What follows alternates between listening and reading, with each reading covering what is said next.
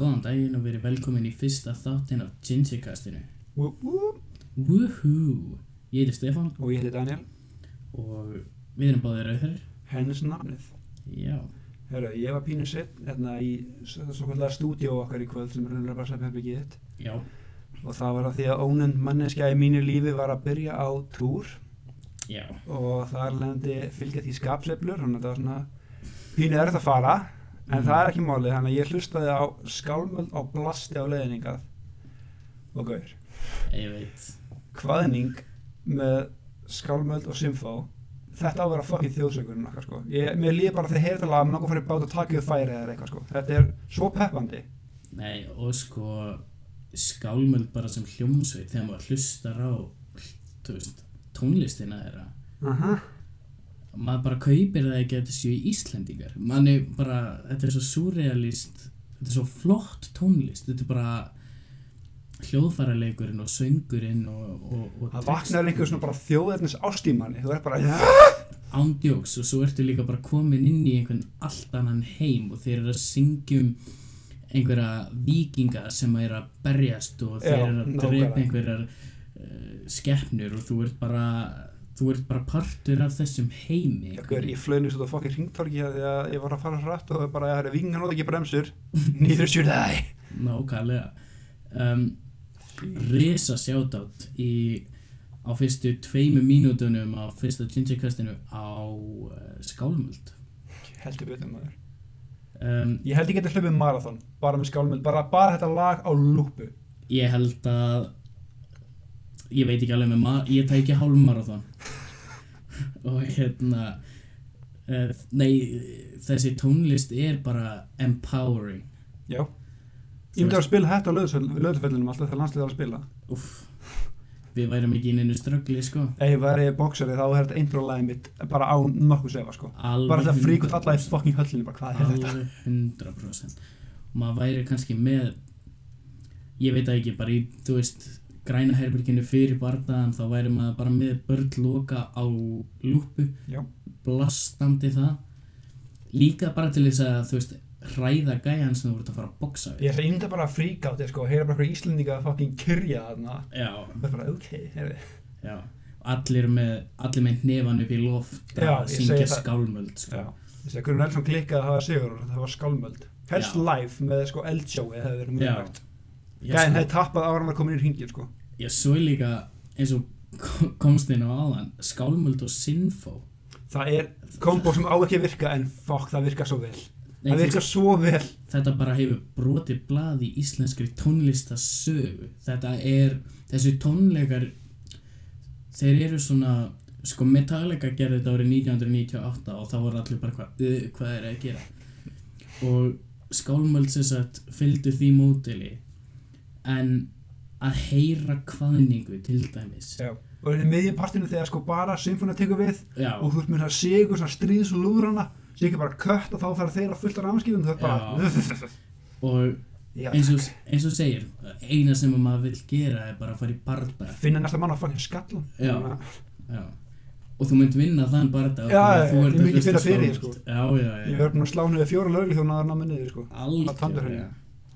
um, Þetta er líka bara Þetta er þannig tónlist að þú vaknar á mótnana og þú ert ógeðslega þreytur þú er búinn að því, þú svart í fjóra tíma þú ert að leiðin í vinnuna og þú hlustar á skálmöld og þú er bara ready í daginn ég ger þetta alltaf bara þegar ég er, svo- ég er að gera þetta um snemma mótnana og ég er þreytt það er bara blastaði skálmöld og bara púlsinn er komið í 200 sko Já, það, það er ekkert flóknara heldur en það Já.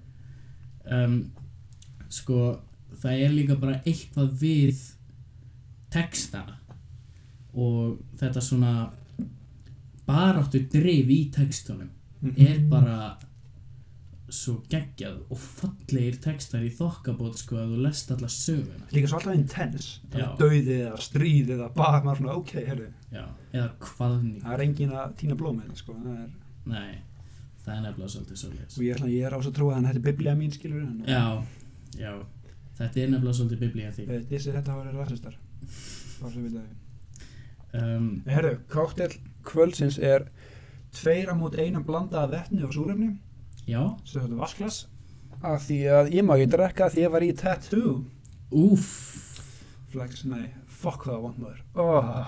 Já Ég hugsa líka Þú varst í stólum hvað lengi? 6-7 tíma Nú, ég, Þetta er 5 þáttuðu mitt sko Já, En ég held ég jafn lengi þessu öll hinn fjögur samla Þegar öll verið svona rosalega píslverk Allan með þetta monster sko þetta var masterpiece sem er ekki svona það stórt um, Nei. já, og ég ætla líka sko að liggja á vinstri hliðinni með svona eins og fólk sopnar með hægri leppana yfir hitt sko Já, og við tókum okkur held ég þrjár pásur hann er hættur að finna fyrir lærinu niðri og ég er með sjúkla sko, sko haspur í nálanum ekkert vegna já hægri nýtla mín er mjög viðkvæm, ég skildi ekki alveg um, Ég get líka Ég hef farið í tvö flúr Og annað er að varst þú viðstættur ó já, Og það tók svolítið tíma þegar ég sá þig einhvern veginn slíti eftir mér sál, stálbekk Já um, Og Þú veist, eftir klukkutíma Var ég bara búinn á því Þú veist, og sársökin er ekkert Það, þú veist, þetta er ekki það vond En eftir langan þá tíma verður bara svona þreyttur á Já, þessu. þú verður svo þreyttur á þessu Þetta verður Þetta verður óþægilegt já, þetta er, þetta er ekki vond, þetta er óþægilegt og þetta er pyrrandi Já, og svo verður þetta mjög óþægilegt að því ég með sko, já, fyrstu klukktímanum tveir kannski, ég er yfirleitt aldrei eitt mál, ég hef ekki verið lengur en tvo tími stólum nefnilega þannig að það er alltaf verið svona bara vant en ekkert eitthvað sjúklega vant, sko, því þá er líka með með nóga adrenalínu og nóga blóðsreikur og síðan eftir tvo þrjá tíma, þá er líka með bara fucking búinn Já, og hann á ekkert eftir, hann getur ekkert hjálpað þér og það liggur þér bara þarna, pluss að síminu var að vera batterislaus, ég var búinn með öll appin sem ég gætt skoðað, já, þannig að þetta bara liggja þarna eins og einhver heimilislaus maður og bara bíða eftir að hann myndi klára að gera þetta. já Það er nefnilega líka En huge shoutout á Adrian hjá Black Cross, þetta er ógeðslega fucking vel gert. Já, þetta er Þetta er í alvörunni styrla tatu að sko, þetta er svolítið af hesti og ég var pínur hrættu fyrir þetta flúr af því að ég hef googlað hestatattu Já, og ég komst að því að hestatattu er svolítið eins og enda þar smög já, ef gæðin veit ekki hvað hann er að fucking gera þá verður þetta shit show já, og sem betur fyrir hann vissi minn maður hvað hann var að gera já Þetta er, þetta kom betur út heldur en ég held þetta myndi gera bara ég Út af því þorði að- að vona sko, þetta Já. er mínast ég bara svona, ok, af herði Því að mér varst hönnunin sem þú syngdi mér var svona Hún var flókin já. og hún var, þú veist, þetta var erfitt ég höndi hann einhvern sem kunni þetta ekki Já, já, já, hann er mjög, mjög mikið að skuggum mjög mikið að litum og mismunandi sko, gráum tónum sko. já, hann segir, það tók, hann eitti kannski klukkutum í útlínunar en síðan var hann örgulega fimm, fimm klukkutum í ekki, sko bara að skikja allt, sko Já. og fá alla, það var fangin magna að fíkast með þessu bara að verða til, bara svo prentari bara lag eftir lag eftir lag og síðan allt er bara já Þetta er sko En sko skikkingin getur verið svo óbáslega óþægileg já, Út af, út af hérna þegar hún er þreytt og hann er með svona nýja nála Já. fokkin nálinni þar Já, út af Þú ert bara nálinni að ta- sem að út af nálónum í Já. rauninni sem við verið að nota þá verður þetta alveg skelvilega en hvíti liturinn merkilega allir lagi, ég ætla að fá að segja það það var- það er mjög lítið að hvítum lit, hann var fljótur að þessu og hann var með deyfingarspray Nú, ok, sem drap þetta, eh, drap vestastaskanur niður í tíminu kortir já, Þannig að það var ekkert mikið með, það var aðeins í lokin þegar það var að taka þetta efst á lærinu sem þetta var hann að pínu að grípa þessi stólinn sko. mhm, En hvíta var ekki eins og það óþægilegast sko. Þess vegna er ég svo þakklæður að hann setti það ofar lærið mitt þannig að við ætlum fyrst sko. Því að neðstu parturinn var viðstigð. já það er sko, ég held að Ég þetta sett með þetta á efra lærinu á mér.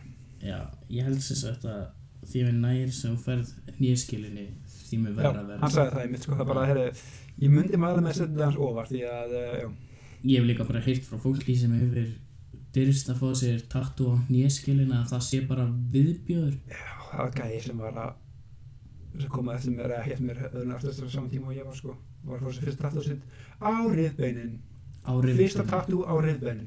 já, Þú herra minn ert hugrekkar en ég er Já, sumir eru bara djarfæri heldur en aðrir Já, Hérna, að það er líka bara Það er svo gaman að fara í tattoo já. upp- Þetta er svona, þetta er svona Við það ekki, þetta er svona- þetta er vekkferð, þetta er stemning Það er ekkert, það er engin lígi Þegar að sagt er að Þegar þú er búin að fá þér eitt, þá myndu fá þér fleiri Já, Það er svona bara- eins og system. Það er bara Já. 100% svoleiðis af því það er eitthvað svo satisfying að sjá skilur úr með fara hugmynd og ef þú gerir rétt og velur rétt að artist það eins og ég passaði mig mjög mikið að gera núna af því ég vissi að einmitt, hann þyrfti að vera nógu færð til að gera hest en ég vildi ekki hafa hann of basic, heldur, ég vildi hafa hann smá absúrt í þessu og ég var alltaf fæk bara fullkominn artist það hjá það Já, en að þú verður, ef þú velur réttan artista og færð flotta hönnum svo ánæmi þá verður þú spenntur fyrir því að fá þetta á þig síðan færð þetta á þig og þú ert að, svolítið svolítið svo alveg barn í mjög þröngum tímaram að þið þú ert að passa þetta og skóla fara vel með þetta skilur og síðan alltaf setja það til og síðan svona alltaf þarf það að venja það og bara já, þetta er partur af mér núna Já.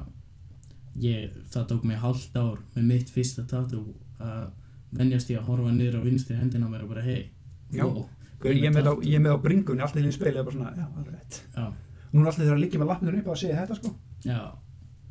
Og æ, ég bara held að sko, ef að það er eitthvað sem að ég er með planað á næstu þremu mánuðinu þá er það að fara í tatu. kallar það þurr um, ég er búinn að vera með þessast hugmyndina á að fá mér slíf á hægri hendina ógislega lengi og hugmyndin er að fá mér sem sagt, svona norræna goðafræði þema en ég fekk artist til að hanna sem sagt, fyrir mig byrjunina og mér leist ekki á það þá og síðan þá hef ég bara verið að einhvern veginn ímynda mér þetta í hausnum hvernig stýr þetta pælið það þurr?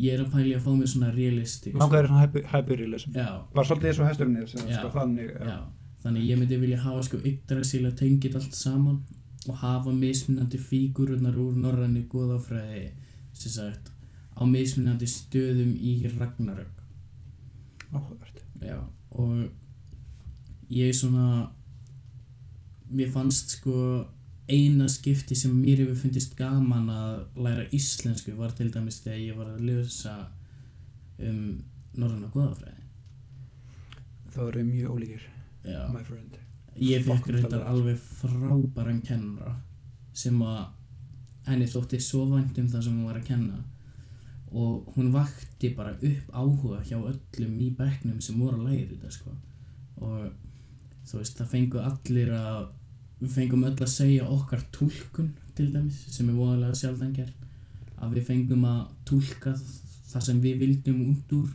mismunandi versum sko og en þetta var þetta, þetta einhvern veginn kveikti einhverju kveikti í einhverju hjá mér að vilja læra meira um þetta og, og kannski svona svolítið lifa mig inn í þetta okkur í fókan fórstu að flugur kynst af íslensku um, út af því að mér finnst mjög gaman á flugvölu mér finnst gaman að gera eitthvað með höndunum gamla fluvilin já, Flugvélar fljúga. flugvöla fljúa um, nei, mér finnst gaman að vinna með höndunum og mér finnst gaman að gera við flugvöla en Ég hef engan áhuga á að kenna íslensku til dæmis eða vera sagfræðingur.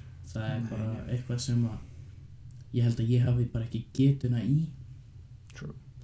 En aftur á tattúröðinni, ef að fólki er að spáða tattúröðu þá má ég endri með að allan að tjekka á Black Cross á Instagram, þeir eru með nokkra rosalega færi artista, flott þjónusta flotti bara, flott fólk og góð sko, og rosalega létt og þægilegt og bara labba hérna inn og getur spjallað hvað sem er og bara með þetta Hvað- grímu, Hvað borgar er fyrir ég tattuðu? borgaði 70 káfið mitt Ekki meira. í þeim, Mér finnst það mjög vel sloppið. já, En það er rosalega, sko á mörgum stofum á Íslandi er, eru ofbúðslega færir artistar. ekkert smá nefnilega Það Man, er- ég var að hlusta bara á Joe Rogan í dag Já. og hann var að hrósa einhver tattúröðu rosalega, ég kýta hann, ég bara ég er sér flottara sko, sorry, en Já. veistu það er Við erum bara, Íslendingar eru bara frábærir tattúartistar.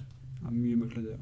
Eh, Ég held alltaf að þeir sem ég hef, þeir sem ég hef séð, eins og gæðin sem er í Svíþjóð, hvað heitir það, sem er tatt allan landslæsmennina, Uh, hann heitir, Fuck, heitir hann ár, ársmið hjá Gunn, hann, Gunnar mann ekki alveg, hann, hann er rugglaður sko.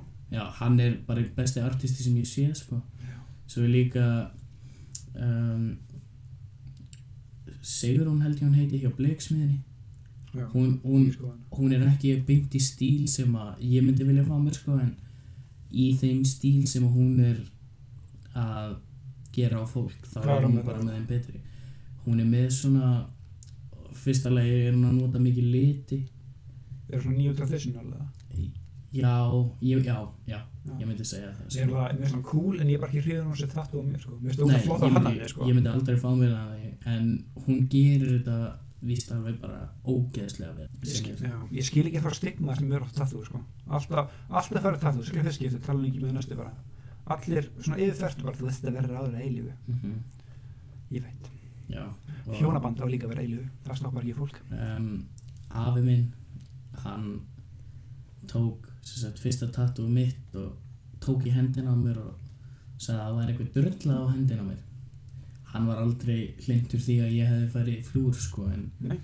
en hann var aðalega ekki hrifin af fyrsta tattooinu og hann var mjög hrifin af því setna en en hérna en ég veit ekki, svo er þetta líka bara um, þú veist, hættu að segja mér til með minn líkama þínu. Já.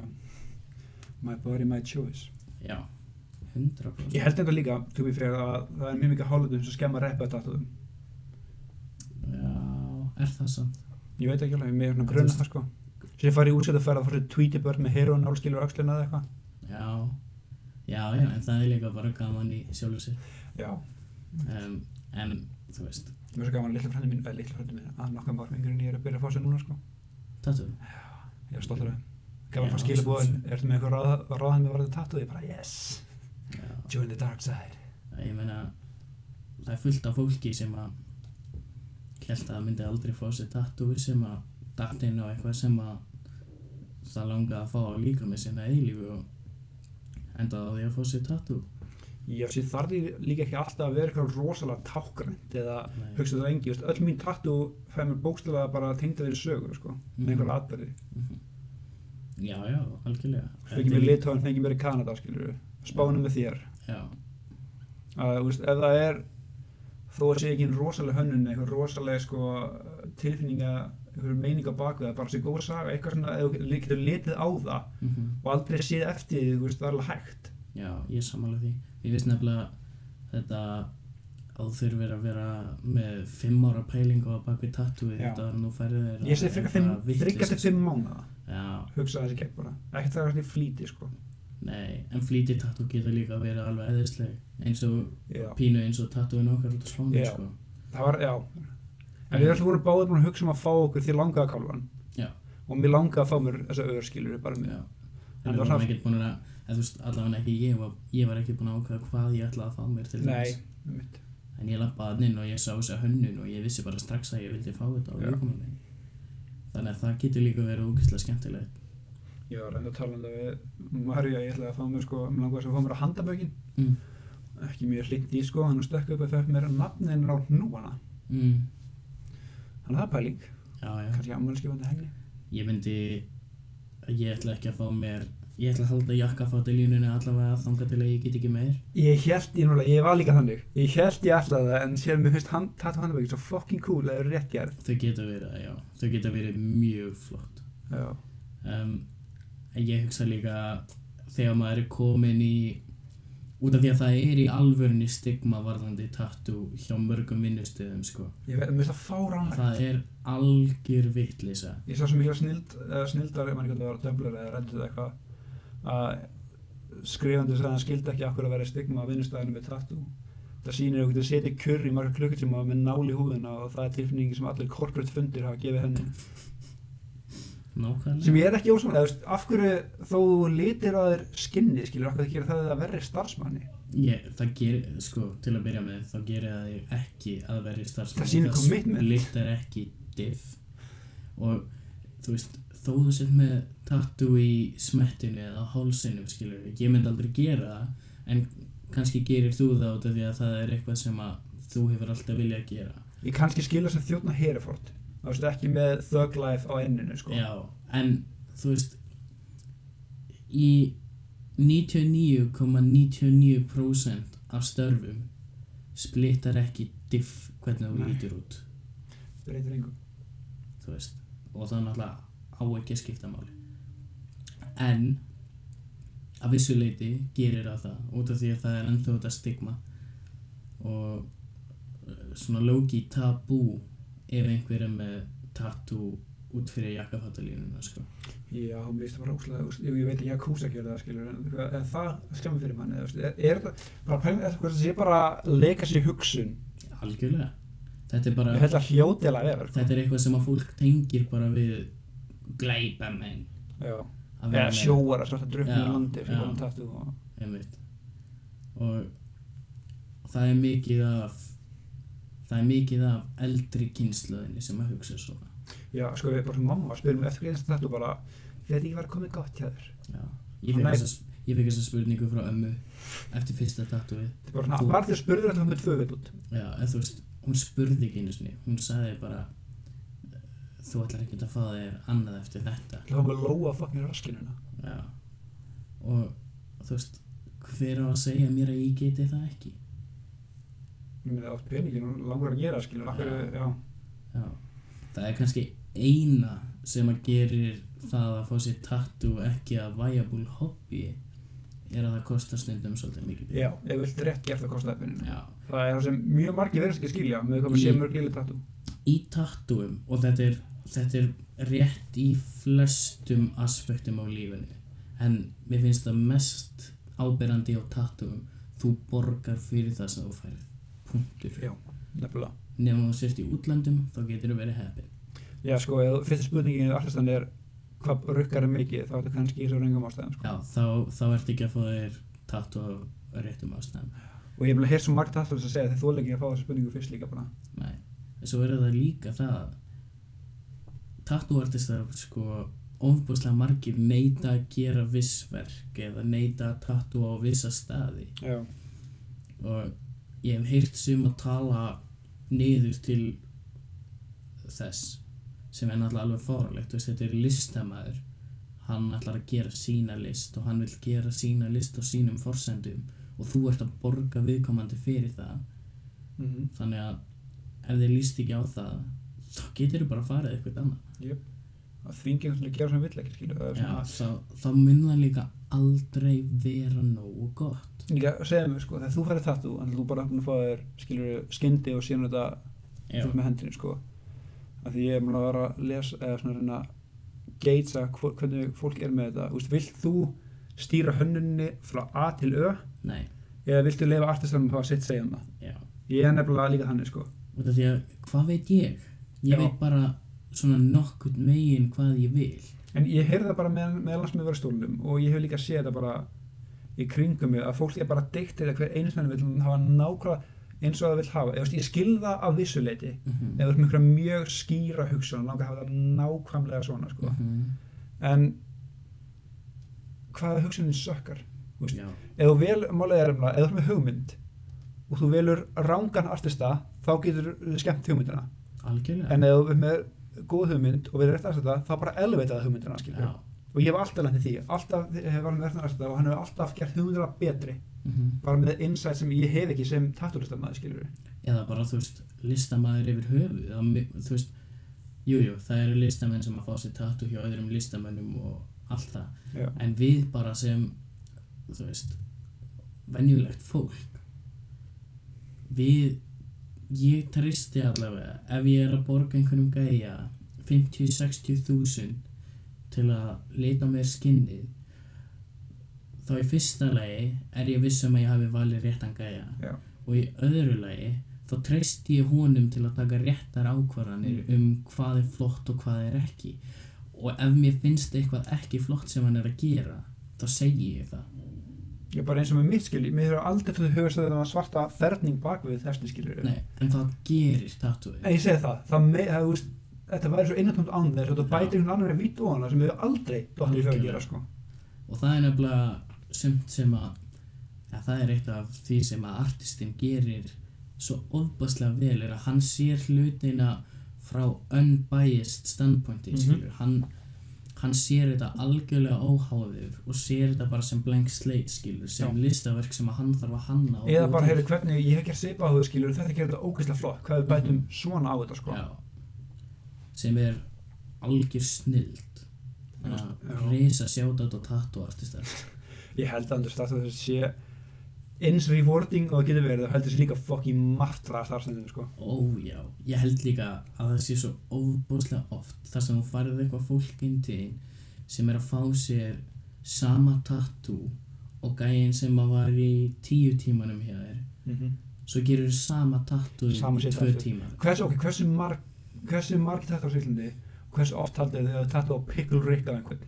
Fucking 1920, 21 og þessara háskólinni, sem ég held að vera svo fucking fyndin. svo oft og öruglega sko líka bara reyndar, mér finnst þetta ógeðslega flott konsept það er hann að tré tréslífið hann þetta er fullt af greni trjám Já, Mér Þetta finnst það alveg- er- mér finnst það cool sko ógæðslega flott Já, en en það ég bara gat sé þetta- já. alveg tíu manns með það er svo, það er svo mikið törna fyrir mér með tattoo er einmitt hversu margir eru með mm þetta ef Þetta er- allir eru með þetta það er svona uh, það ég vil vera með mitt ég vil, ég vil vera þú veist, þetta er mitt tattoo sem Já. ég og minn artisti hönnuðum saman Mhm. til þess að setja á minn líkama ég vil ekki sama Ulfa tattoo og þú ert með skil nei ég með myndi kannski viljum þig gera það eins og mann já, þú veist ef þú ert að fá þér buddy tattoo eða Já. para tattoo eða whatever þá er það náttúrulega þá er það bara þannig ég vil heldur líka að hati sko að fá sko mynd af Pinterest af tattoo hos annar og segja ég vil fá þetta já, Bara og greið, ég já, bara alveg. hlýtur að vera degrading bara, ok þú veist, bara er ég fangin prentari eða er, er ég faxtæki eða það máli það er bara þú veist, ekki eins og ég, þú veist, vinni við að hanna þetta eða eitthvað ég muni þrenn verðun á Tattoo Expo og látum við prenta öðra undir brjóstina eða það er flott geggjaf ég er Já. þetta starf þetta er alveg alveg ógeðslega skemmtilegt en ég held ekki sem geggjaf að klára þessu slíf oh, eða gera eitthvað svona stórt pískilur og þeir eru allir jafn ánægði með það sko. já, og þú veist ég held líka að eitt af því sem að tattooartistar fá ofbúslega mikið út úr er gleðin frá viðskiptafinu út af því að Gleðin þetta búið og þeir já, eru einhverja ég, held kvæl sko, ég held sko að 95% af fólki labbi ógeðslega ámært út af tattoostofu Já, já, já, já, já. að minnstakosti 95% Ég held að enginn sé ósættur við þetta sko. ég þekki eina mannesku með tattoo sem hún er ósatt við og Ok, já, ekki að endur á þetta. Ósættur, ef þú valdir þetta alltaf og allt fór vel, skil. Ef það Já, var já, allt já. annað ímyndað er að hann gerir þetta hræðilega, þá náttúrulega ertu Já, ekki ég sáttur sko. þekki eina mannesku sem er ósátt við tattoo sem hún fekk sér og það er frændi minn sem hún fekk sér uh, stjörnu á upphandlegin og stjarnan er með tunguna úti þú veist þetta er eitthvað svona algjört djók tattoo sem hún Já. fekk sér þegar hún var fullur einhvern tónan eða eitthvað Næs. og þú veist hann sér eftir tattooinu en hann elskar það samt út af því að þú veist þetta var svona shit, segðu hvað ég var ungur og heimsku Já, ég held ekki þetta við það sko. þú veist, þannig að það er gaman að því Já, en maður- hérna, Heyrðu, það er þegar maður er að aðlast upp það er alltaf þetta mið sko að flytja heim hans er svona ultimate fullonus múði sko bara, það, það búið til eitt eigi hreyðir fokk ykkur Já. uh, og í dag er það ég ætla að kaupa íbúð því að það er ekki margir á okkar aldrei sem er að kaupa sér umbyggðshús nema pappi hans er moldaður já eða að byggja sjálf út á landi eitthvað skilur við langar bara að gera það eða þú veist að þú þróaðir Snapchat eða eitthvað, ég veit Já. það ekki en við erum standi íbúð kaupum til hann ekki með það já nei, ég myndi að hjósa með það mikið því að fokk hvað þetta er leðrætt já, Ég held það skemmt, ég held það var að köpa sér nýjan bíl en nýjan síma, þú brásar, skilur og finnur ekki að þetta er fullkomin og hvernig hefða síðan bara borgar það og fucking búið nei, nei, nei, nei, nei, nei, nei, nei, nei, nei nei, ó nei, það eru ákvæði og það eru samningafundir og það eru fucking tryggingamál og hvað er tryggingafélag að gera með svo geðið ekki höstnum já hvernig þá, þú veist, við erum alltaf þurftum að ná okkur í fastingatryggingu og alltaf fjandan út af þessari blæsari íbúð sko, til að tryggja allt rastleðinni já, og fengur sér að tilbúð frá öllum tryggingafélagunum af því að ég ætla að núna, núna er ég bara með tryggingu frá uh, vís upp á líf og sjúðum tryggingu ok þannig þurfa að ná fyrir fallega tryggingu og bruna tryggingu og jæri jæri jæra síðan kom ljós að við þurftum viðbótar bruna tryggingu sem því eitthvað, sko ég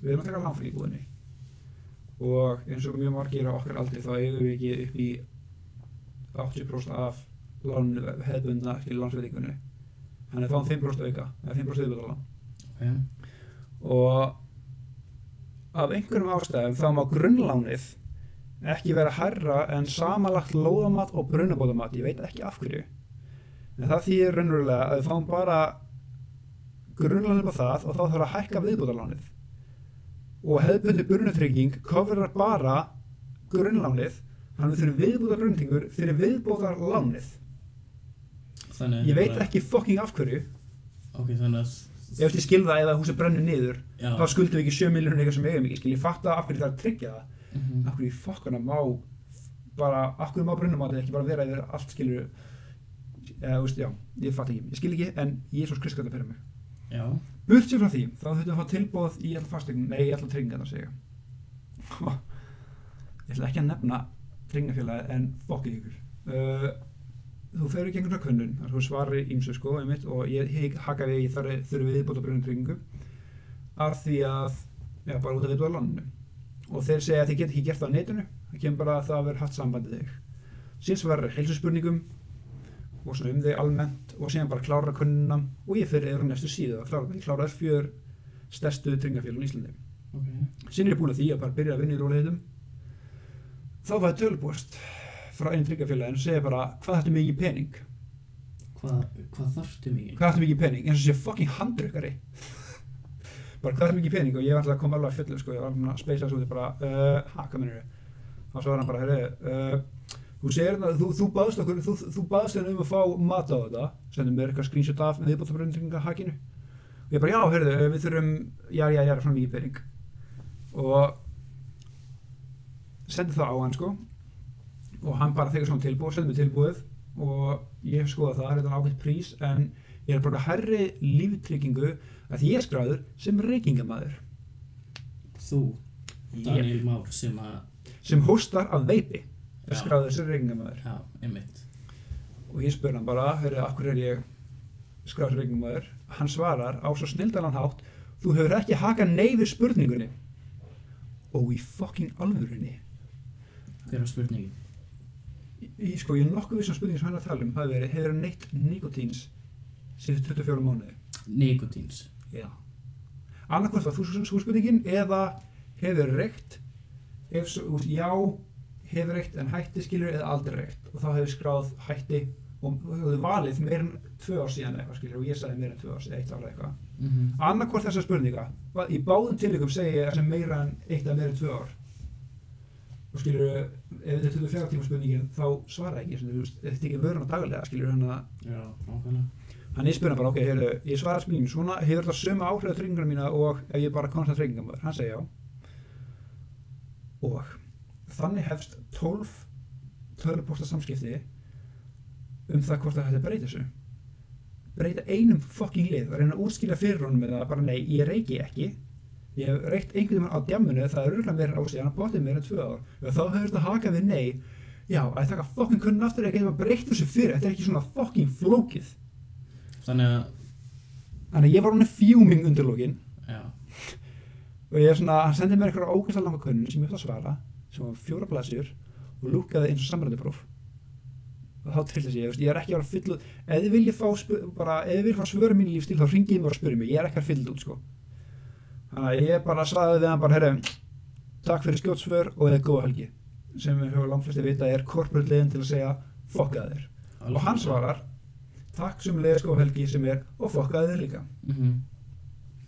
Og býtu þannig að Þannig að þú- Eina sem að þú baðst hann um að gera Í rauninni eftir að hann gaf þér tilbúð Var að breyta Mistökum Eða breyta spurningu sem að þú í rauninni miskildir ég er bara, Breyta þínu svari breyta bara, nei, ég reik ekki Já. þetta verður ótrúlega einföldist þessu.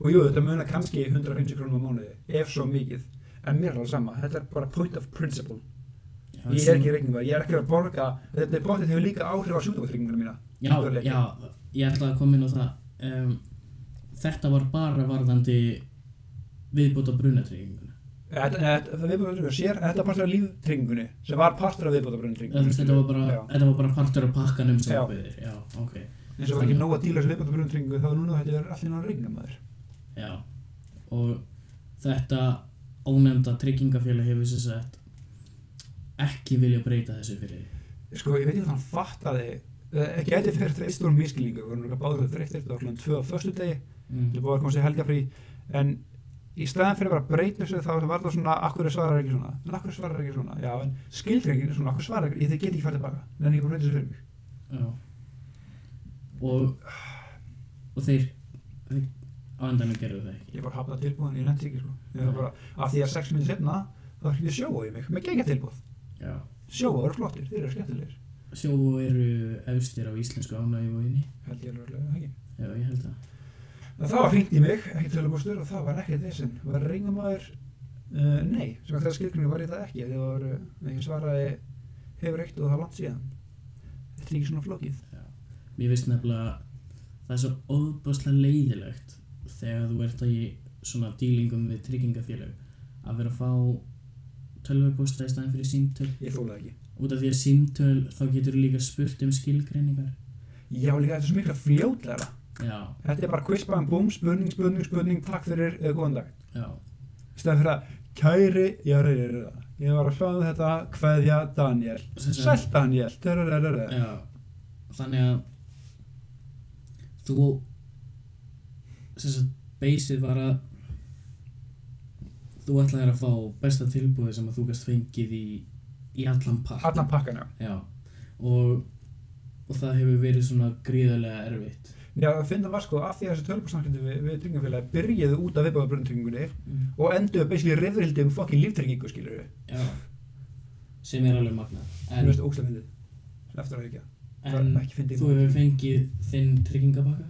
já, já, já, það sem sjá Glæs. mínir menn þar, Um, Min, menn og konur þú veist, Já. þú eru við að tala um samt að íbúðakaupin eru erfiðari og leiðilegri nú bjóst við? ég samt reyndar heyrt út undan mér að við sem að lendi ógæslega leiðilegu pakka, sko Eða það, Já, eða svona, þau, þau í kringum okkur sem hafa keft íbúið tala um þetta hafa ekki verið neitt vesen sko. ok. Þannig að, og að því að jú, tringamála eitt og sér hefði verið næla leiðilegt sko, en það var annað varandi kaupslöngum tilbúið sem ég ætla ekki að fara út í svona áður en þetta er undir þetta. Nei, Getum við rættin það setna skilja, þetta er búið, þetta er búið að vera ekstra mikið og óþarlega leiðilegt vesen í ferli sem á að vera svo skemmtilegt og vera svona, já, Já, vera upp á framtíðina st- sína. vera stórt skref í ykkar lífi já, nákvæmlega, og það er svolítið búið að taka, taka ánægjun úr því. já, 100%. Já. Bara með bara fucking skrifa undir þetta. Ég, Já, er þetta alveg komið á það stíl? já, þú veist, við áttum að skrifa undir í sístu viku, en Já, að það er, ég sumar ástæði komið fyrir hvað við gert það já. Við getum þurfum talað um ekkert það að off fara- air Já, við þurfum ekki að fara út í það. Um, en þið eruð hins vegar að kaupa ykkur íbúð. já, kauptubóðum það gilt þannig að þetta er bara að leysa nokkur nökrum og þá erum við komin með nýja íbúð og mögulegt nýtt stúdíu Já. Þannig að þú ert að taka hérna, eða þið, þú, þið, já, er að taka stórt skref. Ekki skemmtilegt greiðlega.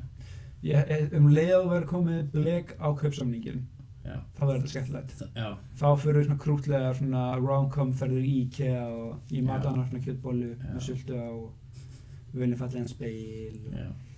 Allar eða svona sér hún hundurlega fyrir sér, 100% Já, allar sósunar í IKEA eru ókipist þannig að Mhm. Þannig að þið græðið eitthvað á því Nei, sko, það er það sem ég kvíð fucking mest fyrir þessu. Ég kom í IKEA. Nei. Sko, Það er mikið þar ég þreytur. til þess að taka aðeins detour Að fara í IKEA er það leiðilegasta sem ég geri Það er bæðið leiðilegt og skemmtilegast. Nei, ég hef aldrei skemmt mér í Í IKEA alvörunni. Veist það hverju? Allt eftir að ég er að fara í IKEA Eða hef farið í IKEA Þá er það aldrei til þess að kaupa, þú veist, innréttingu eða borð eða skáp eða eitthvað Það sko. er alltaf til þess að kaupa, þú veist, eggjaskera eða eitthvað svona kjaft Okkur vantar Ísbox, Já. getur maður svo leiðis. og svo þarf það að lappa í gegnum alla fucking búðina sem að tekur svo langan fucking tíma. Þetta er bara cardio workout að lafa í gegnum þessu búið, sko. Þetta Nei, er líka alvöru. spýtur um þetta, sko. Svo lappar við fram hjá Og síðan sjálfsögur, nei, síðan sjálfsögur alltaf að neðra henni er alltaf fjölskylda Já, sem er alltaf einhverjum vegna hálfum mittur og mittur allar sem taka alltaf fucking gangi með tvær kerur og drífa þig og getur ekki farið fram á já, það. og, og, Fucking og labir hraðar. annarkvort það, eða þú veist, en þú veist, það er alltaf þessi fjölskylda sem að þú vart að tala um. Svo er önnur fjölskylda sem er bara með null stjórn á börnunum sínum. Já. Og börnin eru bara hlaupandi út um allt að Þú er svona ósk- brjóta alla já. eggjaskerana sem þú ætlaðir að kaupa.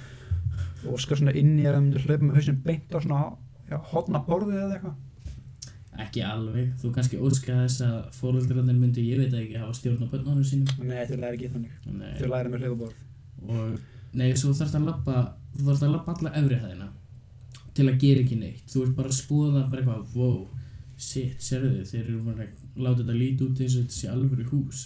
Þú veist, það er alltaf gaman. Já, En svo labbar það fram hjá, þú veist, öllu gáta fólkinu sem er nýbúið að kaupa sér íbúð, eins og þið verið bráðum, að velja sér skápa eða innréttingu eða eitthvað. mm Mhm. -hmm. Og maður er komin annað til þess að kaupa einn ekki að skera og kannski spritkerti ef þau eru til. Jep. það er bara mín Svona upplifun af IKEA. bökunar svona form Já, og svo lampar þú fram hjá veitingastæðinu og þú eitthvað, hmm, á ég að fá mér eitthvað að borða í IKEA. og það veist af er komið afgjörsleiborðið Alveg undan teknikalöst. Ná, ekki nagga, en ok, ég grunlega með nagga IKEA með að eiga það reyndar. Verðin og matsölustæðinum hjá þeim eru ógeðslega góð og maturinn er bara allt í lagi. Þetta er að finnst að það veitir það landsins ástæðir sko. Já, og var í viðbjöðslega langan tíma einir staðurinn í Garðabæði með vinnveitingalegi. Það er þetta ógeðslega fyndið Mér finnst það magna, þangað til að Matus Garðabæjar opnaði. Það Já, var ó, IKEA búið að Það er vera- náttúrulega við okkur Já, Ah, þá Garðbæðingur um, Já, þá var IKEA búið að vera eini staðurinn í, í Garðabæð með vinnveitingalegi sem er alveg sturglað og pælir því Já, sko, ég er ég hef átt góða stundir í IKEA en svona áður en ég segi þetta, það er bara að segja Mari, ég elska þig en ég er að fara í IKEA með sko mjög skipulegum kvennmanni Já, sem er anstæðan við það sem ég er á allan hátt algjörlega þannig að fara á mínum fórsöldum þá skemmt ég mér konunglega í IKEA Já, því það er að fara með hverju öðrum já, þó sé fyrir mín íbúð holy f- langar í ljóðskráfi eða dökkra höllna, mér er alveg fucking sama uh. Já. bara, ég hef aldrei farið í IKEA á mínum fórsendum Ég gerði það var einnig þetta herfingu mitt niður, ég haki ekki að velja parkir og svona, Ah. það var herfing. Nei, nei, ég hef bara þú veist, ég ætlaði að fara í IKEA til að velja mér hillur hennin og svo bara nefndi ég ekki IKEA og fór í Rúmfó Já, true. Rúmfó er fucking trip, það er, Nei, sko, Rúmfó er og þetta er, svona sé ég Rúmfó alltaf fyrir mér áður en ég labba inn Neðri hæðin eru plastbox og efri hæðin eru stólar nei, nei, nei, plastbox og teppi. Já, það Mér er, líður alltaf eins og það er rúmfó sem ein. einhver frontur fyrir Já. að hafa ekki eitir það samtök. já, út af því að þú labbar inn í Rúmfó og í alvörunni ef þú ert ekki að horfa mikið í kringu því þá er það eina sem þú serðir úr plastbox Já. Það er bara Og fucking sandarar og 990 skilur það, en Já. rúmfó er svo mikið necessary evil. algjörlega Af því að ég veit ekki hversu oft, síðustu svona, veit ekki, fimm sömur, ég og þú eða einhver vinnahópur að fyrir útilegu og finnum ekki fucking tjaldið okkar, þannig að við förum inn í rúmfó, kaum loftinu sem undengalust fucking legur, Mhm, þrjú svona tjald og bara út Já og síðan týna með helminga hælunum og allt ferli byrjar á nýtt Já, ég elska rúmfó sko Það er líka Alltaf þegar ég fyrir rúmfó þá Enda ég á því að kaupa eitthvað sem ég Mér virkilega vantaði En ég vissi ekki að mér vantaði Já, það er svolítið mikið þannig uh, Eins og Millistykki eða batteri Eða eitthvað maður bara svona Er á leiðin í kassan og það er bara svona hmm, Þetta er það sem að fólki vantar Alltaf Þetta er svona, mér vantar þetta ekki, en mér vantar þetta samt Já Mér getur Nei. vantað þetta Þegar ég fór að kaupa hillunar þá virkilega vantaði mér millistykki Ég bara vissi það ekki Já. Og svo um leið og ég sá millistykki þá var ég bara Yes, alveg rétt Það er, já, ég elska það, það er svona alltaf svona spes stemning að þenni einhvern veginn. Algjörlega Þetta líður svona high class og low class saman tíma einhvern veginn. Já, og en sko rúmfó eru með virkilega góð verð og sem af sittinu þeirra Ég vantarlega þetta er fucking rusl Segðum þið það, það var dýna mín úr rúmfó actually. Aha, Dýna mín úr rúmfó rúmið mitt eru rúmfó Nákvæmlega rúmfó ekki á Ok, dý, sko, rúmverðin í rúmfó eru ekkið Já. Góða dýnur, þetta eru góða verði Já, þú veist, þetta bara Þú seifur í þessu á nóttinni og þú leggur því í þessu þegar þú kemur heim á vinnunni skilur Og svo lengi sem þetta er ekki að fara að, sko sko bakbrjóta þig þá er þetta bara næs og fyrir engan pening Jöp. sem er bara eiginlega það mikilvægast En síðan finnir líka að helmingurinn af draslinn hittar hann alltaf brotið ónýtt. já, Maður þarf alltaf að tjekka einhvern veginn, þú veist, helmingurinn af kössunum er svona brák á hliðinu eitthvað svona, ok, Mhm. mm hvernig, sem hvernig gerst þetta? já, Og af hverju er alltaf í rúfa, alltaf, ein guml kona með massið vesen? svona Karen Nei, ekki Karen, þetta er hann að mamma hennar Karenar. já, Þetta er svona, þetta er ekki, hún er ekki með svona derring, ekki derring, heldur bara með vesen, skilur við. já, Man ekki pinni sitt eða held það afslætti eða var með þetta skilur og kannski var tveira afgræðan til þess að fokkin langa tíma og þetta gerist alltaf rétt áður húð afgræður. já maður er svona ok, nefnum að rífa Já. ég er búin að taka meira og meira eftir því undanfarið þegar ég er að fara í búðir og svona það er ofbúrslega mikið af fólki sem er bara með vesen Jó. af engum ástæðum Ja. Bara svona, já, það er Kannski. ekki bara Já, kannski eru þau með einhverja ástæði en, en stórt sjátátt á afgjörslu fólk Já, mér, sko, mér líður alltaf svo geirum. Mér líður alltaf svo fangin dykk þegar ég má gleyma að leggja inn á mig eða leggja inn inn á nóg, sko Já, og ég þarf að tefja rauðin um 11 sekundur til þess að Já. skilur að leggja inn á mig ég er svona fyrir tala nú ekki um að maður er í sjálf, sjálfsæðgjörslu kassa og Nei, það mér er alls fyrst- saman það Gæti ekki með saman það Ég tek minn fucking tíma sjálfgæslu Af því ég er að afgreða sjálf mig Ekki, ég, ég er alltaf Það gæti verið röð upp að klökum og ég er bara skellur sér Já, ekki ég, Það er bara því það er manneskja að vinna á móti mig, ég vil ekki tefja hana sko Já, ég reyndar finn rosa mikið fyrir því, þú veist eins og ef ég er að fara að kaupa með tóbak eða eitthvað þá er ég bara, ef það er engin röð þá lappa ég bara, heyrðu ekki, ég fengi tóbakstús og fullpapir hér og þú veist, já ég ætla ekki að tefja dagi- daginn Já, lengur eða Það er í svo einsvist óþægilegt að er eitthvað tóbak en er ekki meðnætt á kassanum og það er röð fyrir aftan mig Já. Það er það geðvitt óþægilegt eins og svona að byrja að afgræða til svona einhver irrational ótti við að byrja að úst, pinna einn drastin sem fyrir Já. aftan mig Ég, ég nefnilega Ég set alltaf, ég set alltaf svona gæja að milli, plaskaða að milli bara Já. og ekki neitt að milli, bara jafn, ég, tómið ég er nefnilega alveg sammálaðið með þetta ótrúlega þess að við höfum aldrei talað um þetta Nei. áður um, ég er alveg sammálaðið með þetta en, og það er ástæðan fyrir því að ég fer aldrei í maturveslanir til að kaupa með tóbak lengur Nei. aldrei ég fer bara, ég fer alltaf í sjópur eða bensinstöðar Aha. og það er þú veist En þú veist að teka það íslenskt já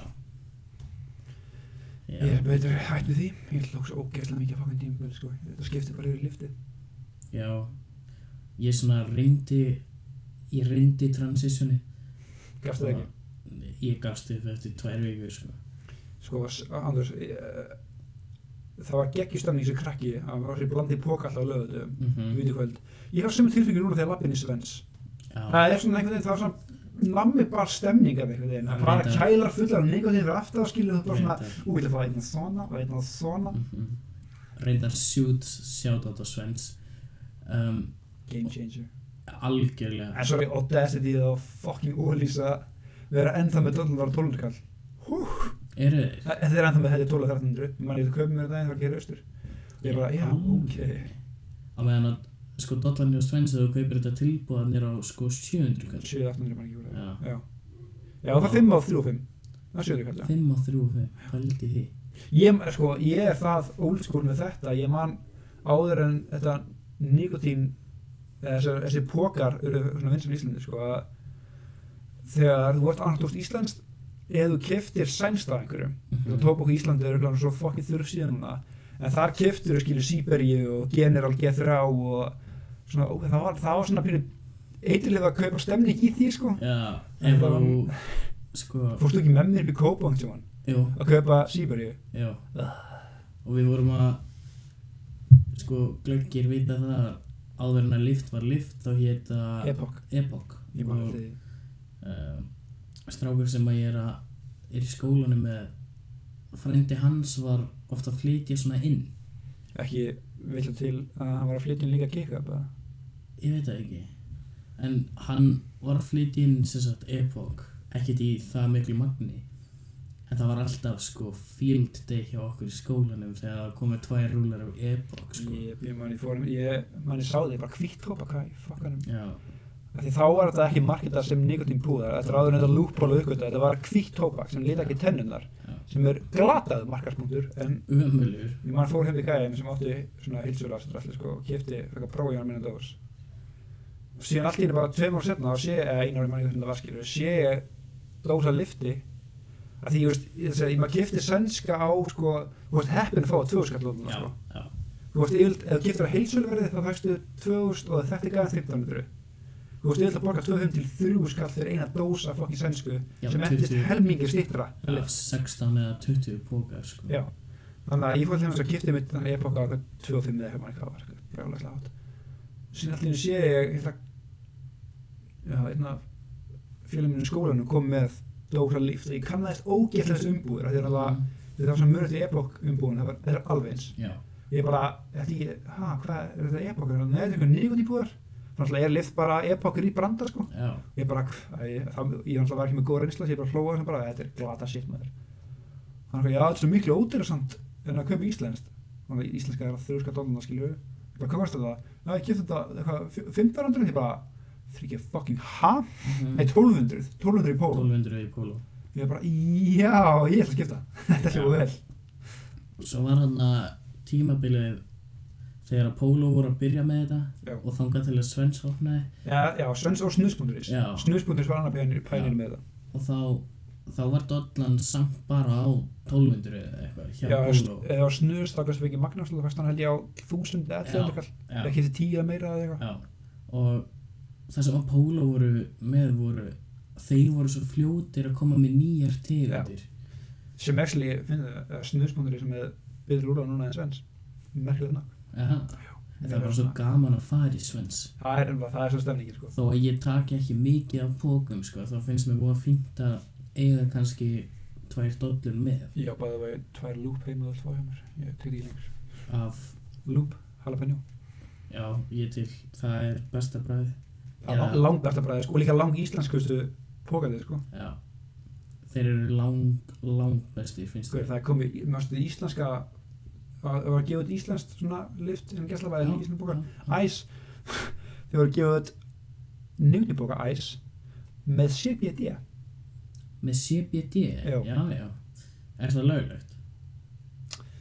Það hlýtur að vera löglegt fyrst Eh, Þetta að er það- óleflegt og ég kefti mér svona þá köpti þennan part út Já, nei, það getur ekki verið ólöglegt Já, ég þess að það, ég er þetta að finna engin áhrif Við þurfum að áfinna áhrif að það ekki CBD á að vera með róandi áhrif, veit ég Já, þú veist, jú, ég tappa þér aðsanlega FIFA en höfum Já. það þá fann ég ekkert Já, og vera svona uh, Já, róandi áhrif Fyrir þá sem ekki vita þá er CBD hittefnið í, í marihuana plöntu sem sagt, það er THC og CBD og CBD er, ég veit ekki hvort það myndi kalla það óvirka efnið en það er allavega ekki Það er önnu virkni þú verð, þú verð ekki í vímu af Ég held við veitum ekki nóg mikið um það. því. Nei, ég veit ekki um þetta Þú annað er bara heldur en Joe það- Rogan og CBD það bóttið finnið 17.000 Já. myndir það sem mynda Já, algjörlega um, Herri bró, ef við eitthvað tala um fokk í auðlýsingahefinu kirkjunni Herri, ég Sko. Trésús, trans þetta Jésús fór svo fram hjá mér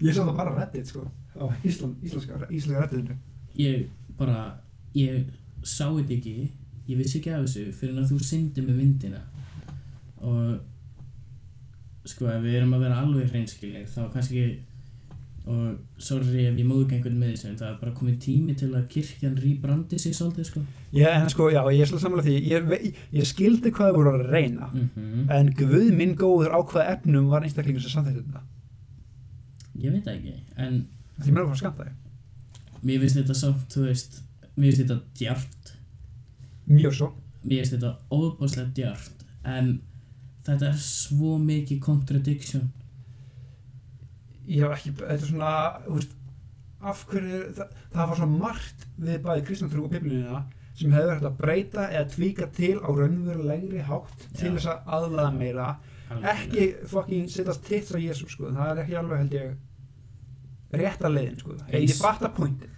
ég skil þetta svona á þeirra við erum öll í klúsi skilur, það Já. er allir velkomni hérna, mm en sko, en sko ef sýnir þess að myndi í Arkarsvei bandarækjörn, þá skotar hann færi algjörlega og mér finnst þú veist, fyrir minn part þá má ég svo alveg vera með brjóst sko mér er alveg, alveg sko. drullið sama en ég get alveg ímyndað mér að þetta hefur farið svolítið illa í suma Þetta er bara eins og að ef íslenska, mann hvað það heitir félag úr múslima í Íslandi, Íslandi myndi búa til ösku hefðar og allir tekna Múhammed, skilur við.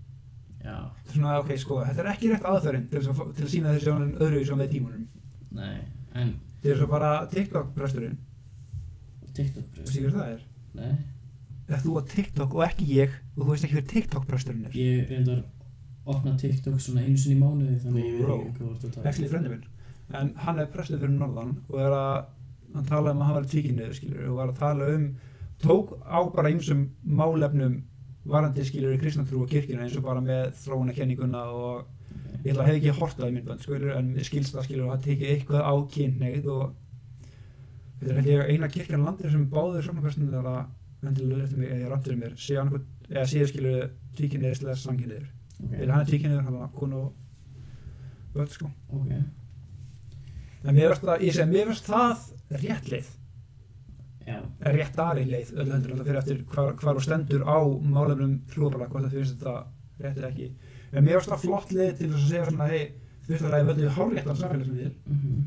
það hefur verið pínu sorglega, það hefur ekki að snakka stóri núna sko Já, en, en bara svona tala um hlutina skilur að hafa upp við borðinu bara í áhverju veist, ég, ekki bara segja allir velkomin heldur hei, presturinn okkar er actually dörðu Já. skilur já, ég er alveg sálið því. Ég reyndar veit ekkert um, sko ég er búinn að vera svo ofbúslega út úr lúppunni með allt svona, þú veist. Og, þú veist, við þurfum kannski ekki endilega að greina frá okkar skoðun á skipulegum trúabröðum, en nei, þau um, kæfta en allan hana uh, já, Já um, Mér finnst bara Mér finnst bara gott að sjá Já, sjá, ég er náttúrulega ekki búin að sjá neitt af þessu En mér finnst gott að heyra af því að Þeim hefur dottið í huga að Þróast já, Út af því að Við skulum öll vera reynskilin Það er löngu komin tími til já, samt sko já, þetta er, þetta er flott skref en fólk má ekki glemma því að þeir eru bara að gera það af því að já, kirkisókn í Íslandi er að hriðfalla og þeim vantar pening Já, já, já, já, já, já, já, já. Hversu Hversu marg Þú veist, hversu mikið af fólki heldur raunverulega af okkar kynslu séu s- ekki strangtrúaðir einu sinni heldur bara trúaðir það er mjög góð spurning sko út af því að on, svona for the record þegar ég fermdist þá var ég strangtrúaður já, alveg, já ég ætla að hann varst borgarlega, ég bara nefndi ekki allir nefnir í bæ sjálf ekki á nær Nei, ég var strangtrúaður og mamma mín myndi segja þér það og og flestir í kringum mig uh, myndi segja þér það. Ég las Nýja testamenti til dæmis alveg frá aðtilu Nerd. og, eb, og fór með bænir á hverju kvöldi og hverju mótni og svona þegar að mér leiði illa um, en svo bara og aftur ég vil ekki móðga neitt en ég þroskaðist og fannst þetta bara og fannst þetta bara ekki vera fyrir mig persónulega og þú veist en frá þú veist steppa fyrir átta árum eða eitthvað frá hans sjónarhófni þá held ég samt að þú veist það er ekki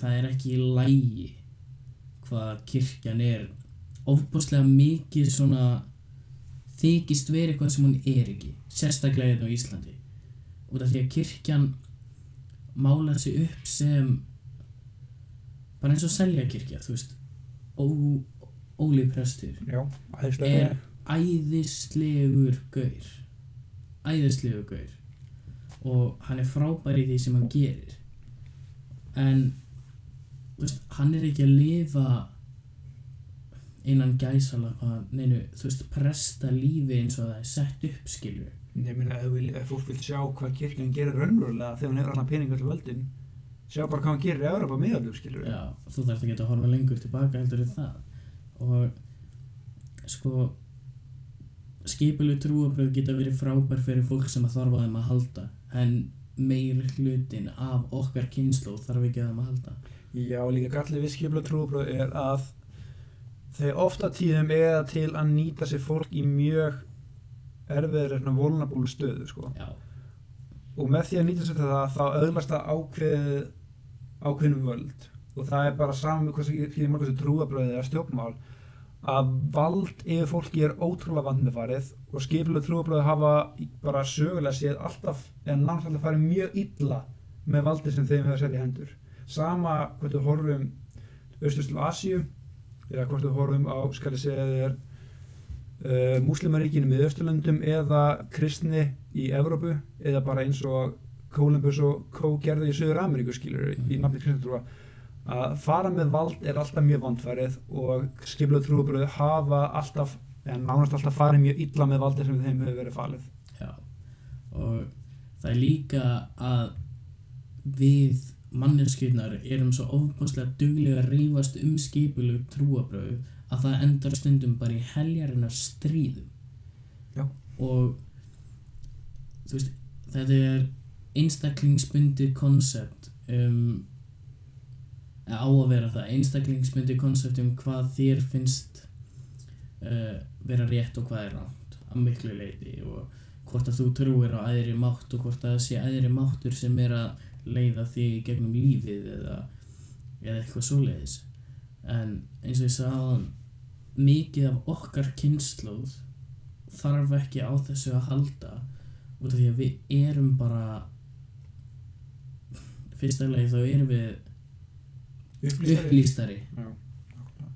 og Major shit að trúa nei sko ég ber rosalega virðingu fyrir þeim sem að eru strángtrúaðir og eru eru eru virkilega að praktisa trúabræði sitt en þar á móti þá er strángtrúa fólk oft það strángtrúað að það trúir blind og það getur verið óbúslega hættilegt Já og það hefur bara sannað sig í gegnum tíðina og ég held nefnilega bara að trúabröð skipulega trúabröð hafa ekki þróast nógu hratt til þess að halda sér af því að ef þau hefur verið klók þá hefur þau reynd að af því að ef maður skoða söguna þá ofta tíðum eiga trúabröðin til að hvað að segja, sparka á móti þegar tímandi breytast til að halda gömlu liðanum sko já, nema að núna síðustu 50 ár hefur bara verið á þungt spark raunverulega. sérstaklega þarna vesturlundum allavega já, að þá allt í einu koma í ljós stórmarki gallar innan kirkjunar uh mjög margir skandala sem þau reyna ekki svona að fela skilur, þetta er Nei. bara að láta láta sér lítið um varða sko já. og fólk átta sig á struktúral göllunum í þessu sko Algjörlega. að jú, þú borgar þjóðkirkjuna en þú veist, til, þú þarft ekki að borga aflagsbyrð lengur þú veist þú þarft ekki á, við þurfum ekki á þess að halda raunverulega nei, það er bara það er bara spot on og þú veist að keira um Ísland til dæmis að ég held að ég veit ekki hvort það sé uh, í gamla daga þegar fólk kifti sér land eða fekk land þá var í lögum að þú þyrftir að reysa kirkju eða þú ætlaðir að byggja samfélagi eða eitthvað já, ekki til að vera sko ég veit ekki alveg hvernig reglugerðin var eða hvernig lögin voru en allavega það virðist vera alveg sama hvar á landinu þú ert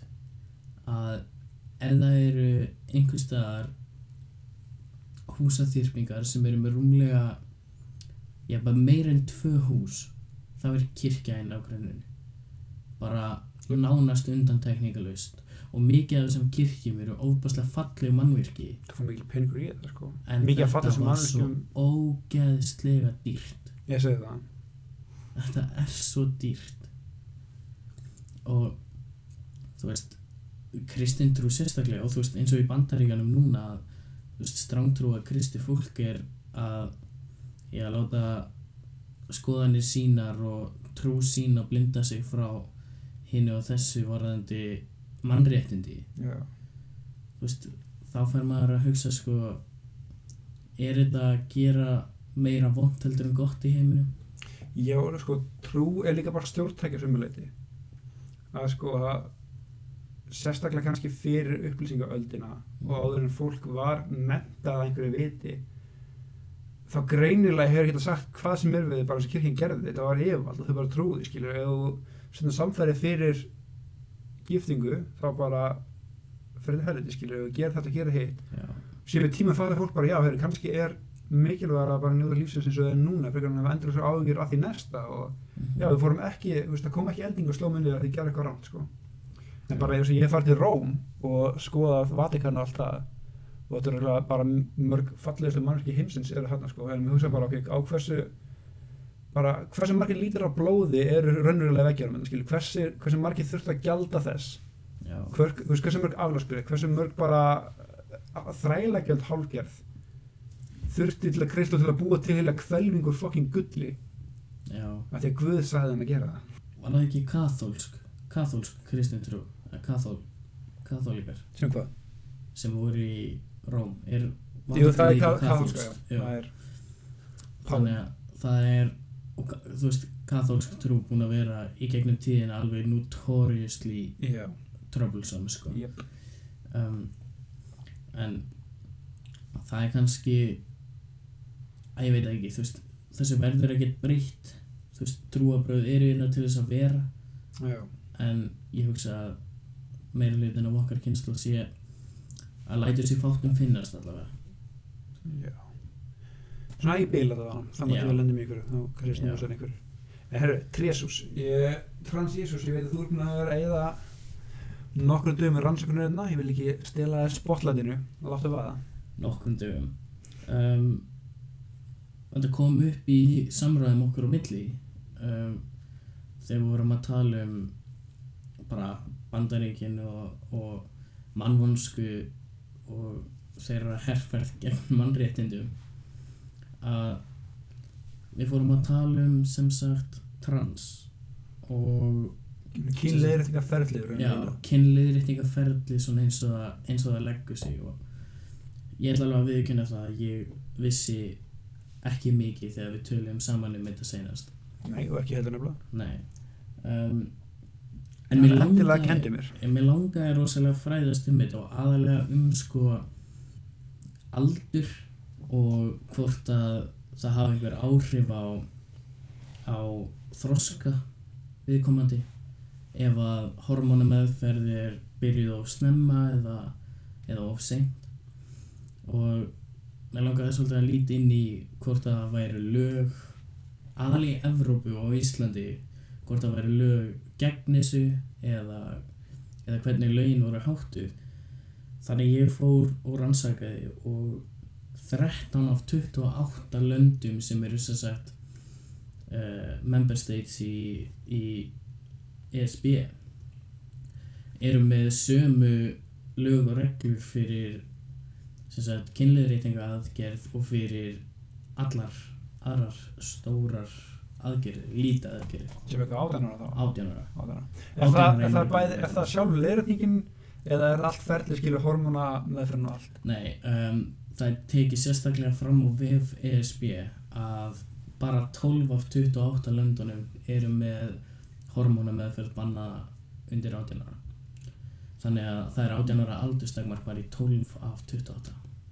Lóðavert. En mér langar að benda á það að Belgia, Þískaland og Luxemburg og hérna Ísland sem sagt meta viðkomandi áður en að lengra er haldið sem sagt fer í svona greiningu það er gert á Íslandi líka Ok, hvernig er ferðlið á Íslandi? Ferðlið með það sem er það, ég veit ekki. sko ferli á Íslandi gengur þannig fyrir sig að viðkomandi sem að hugtækið sem að ég dætt inn á var kínáttuna vandi sem er kannski ekki fallegastu hugtæki í heimi en, en það svona Ma- Það má ræða um hvað þetta sé, Já, er rétt en- orðið eða ekki.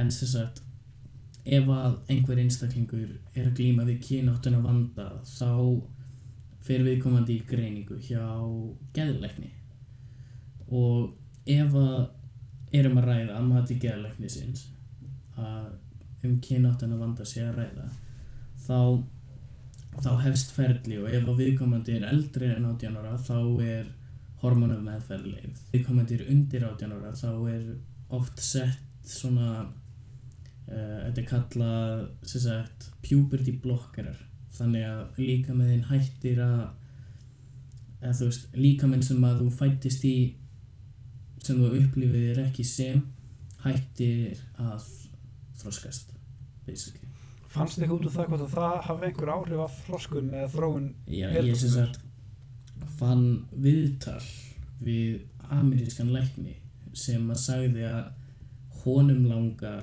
að löglega sem sagt byrjunin á hormonameðferðinni fyrir 16 ára til þess að hjálpa líkamannum að þróast á eðlilegri tíma sem sagt um, Hanna kynþrósaskeið sem ætti eða þessu stað Í með, lík- með fættu kyni, Já. með raunverulega þessu stað með réttu já, kyni þá. já þannig Þannig að í staðan fyrir að stoppa eitthvað inn í track skilur þetta bara áður en að byrja þá að Já, leifa því að þá, það náttúrulega. þá basically vill hann að líkaminn gangi í gegnum um, réttu breytinguna á réttu tímanum í staðin fyrir að viðkomandi sé að upplifa sig í raungum líkama yfir kynþröska skeiðið þar sem að þú ert að þroskast í líkama sem að þér finnst ekki vera þinn það er hans hugmynd að fræða bak við þetta og að að það séu lítið til af rannsóknum sem að sanna það að þetta sé skadalegt að hann segir að sé í raun og veru betra að byrja fyrr heldur en setna sérstaklega með uh, estrogen Færing Getur transkarl fengið frí í íþróttum af því að hann er á blæðingum? ég veit það ekki en það hefur oft það hefur sérstaklega oft heyrst um að menn geti fengið uh, eða sérstaklega geti fengið sérstaklega svona ég veit ekki hvað á að kalla það Hverju kallar ekki með íþróttum? Já, kallar það túr Gert ekki með En já, ég meina og ef að það er þannig þá er það bara þá er það bara raunin um, Bara alltaf það sé side effect sko það er það, já. Það gæti vel verið sko en ef að ef að viðkomandi er sérst að, að fættist í kvennmannslík Ég segi að transkallar það, það er upplifir sér sem kall auðvitað kallar mann að fættist í, fættist í kvenkins Já. líka, já. ef að, ef að viðkomandi sérst fæðist í kvennkynslíkama og, og en upplifir sér sem kallmann þá þá hérna ef að það er greint snemma þá hugsa ég að það sé hægt að koma í veg fyrir blæðingarnar en þetta er eitthvað sem að ég reynda fann ekki á meðan ég var að var að lesa mér til um, Mér langar líka að benda á það að Íslendingar eru svolítið framalega í þessu öllu saman um, þú þarf þess að ekki að vera búin að fara í gegnum neina uh, læknislega meðferð eða þú veist þú þarf ekki að fara í gegnum hormonaferli eða, eða aðgerð til þess að fá breytum kyn og namn í þjóðskrá Mér finnst það líka alveg fálega að ef það þyrfti þess Já, sko. þannig að þú færð ef þú ert búin að lifa í þínu rétta kyni í ákveðin tíma og tíminn var ekki skilgreindur í greininu sem að ég las þá, þá færðu þess sagt að breyta breyta í þjóðskrá sem er frábært Já, við, nú- við vorum að ræða þetta um í því samhengi sko hvort það var að leifa þetta of snemma eða of seint reynilega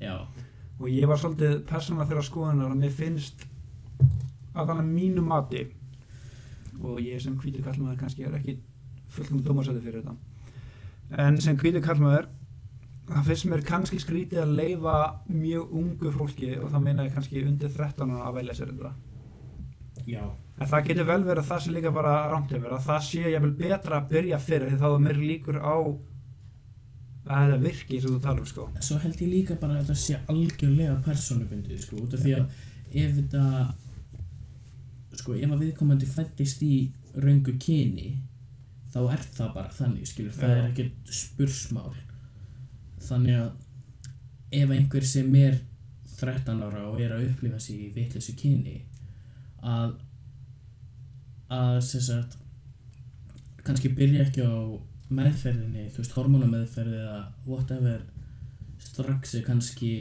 skiljanlegt en, en að fá að eins og á Íslandi að fá að breyta nafninu þínu í þjóðskrá þegar þú ert búin að vera að lifa í þínu rétta Ég kyni hef verið að sletta- já, sem ég er að sletta með nafnið og kynið þjóðskráð. Það eina sem ég var að pæla í var með hvort það væri einhver neikvæð áhrif að meðferðum sem gæti að hamla þroska sem virðist ekki vera. ekki, ekki sem að ég fann sko Nei, það er svona um, en það var reyndar, hann sagði reyndar að það væri rosalega lítið til um, gögn- um akkurat þessa spurningu já. þú veist, það væri engar rannsóknir gerðar, þú veist, það væri bara í raun og veru lítið rannsaka mál en að það væri verið að rannsaka það, út af því að honum langar að honum langar að byrja sem sagt allt ferlið örlítið fyrr um, sem sagt heimildundar sem ég fekk um hvernig þetta er á Íslandi var í rítgerð uh, frá Háskóla Íslands um, ég með nafni skrifa niður hérna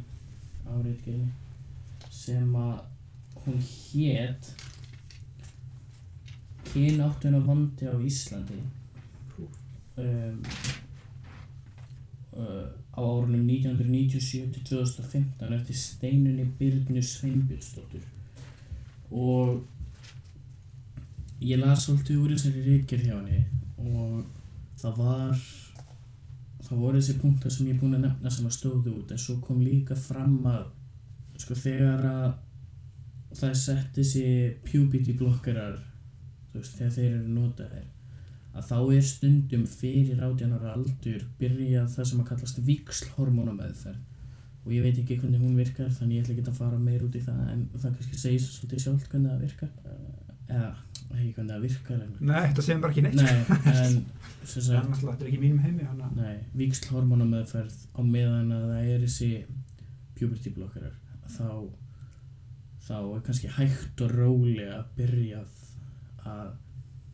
gefa viðkomandi þá hormóna sem að eru réttir Já, náttúrulega segir bara logdags ef fólk er hammingsamt með þetta þá bara kemur þetta mér eða okkur ekki raskat við sko. Nei, það er nefnilega stóra takeawayið út úr þessu öllu eftir, eftir alla þessa rannsóknarvinnu að það að fólk fái að upplifa sig sem sig sjálft er náttúrulega bara fyrst og fremst það mikilvægasta Jú. og Og meina Sem er- saman hversu- saman hversu trúabröð eða kynneið eða kyn eða whatever. já, þannig að það kemur bara engum öðrum við hvernig þú upplifir sjálfa þig eða hvernig í raun og veru hvernig þú vilt lífa þínu lífi svo lengi sem þú ert ekki að skaða aðra með þig Nákvæmlega. Eða Bara svo lengi sem þú er hammingsamur flott, ekki íta því á aðra, ekki þrönga þínu skoðunum aðra. Nei, verðu reyndu þitt besta að vera ánægð með sjálfa þig Nokkuð og ég held að það sé bara svolítið góð leið til að enda þetta góð lokavarð. Já, Síðan erum við nokkuð juicy þátt næsta þátt hjá okkur. já það höldum við svo sannarlega um, frá því að þessi þáttur kemur út þá ætti að vera vika í næsta Já. og við viljum bara þakka ykkur innilega fyrir að hlusta á fyrsta þáttin af Tinsikastinu Heldur betur.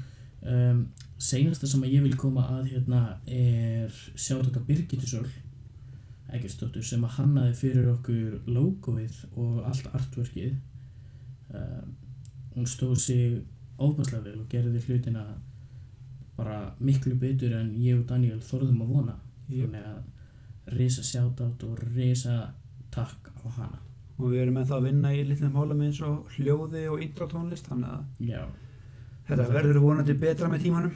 já Það er svona þegar þú missir podcast sveindómininn þá þá, Ekkert er gott í fyrsta skipti. nei, þá, þá verður þetta ekki fullkomi en já, takk, takk ykkur kærlega fyrir að hlusta Og við Indisland dag.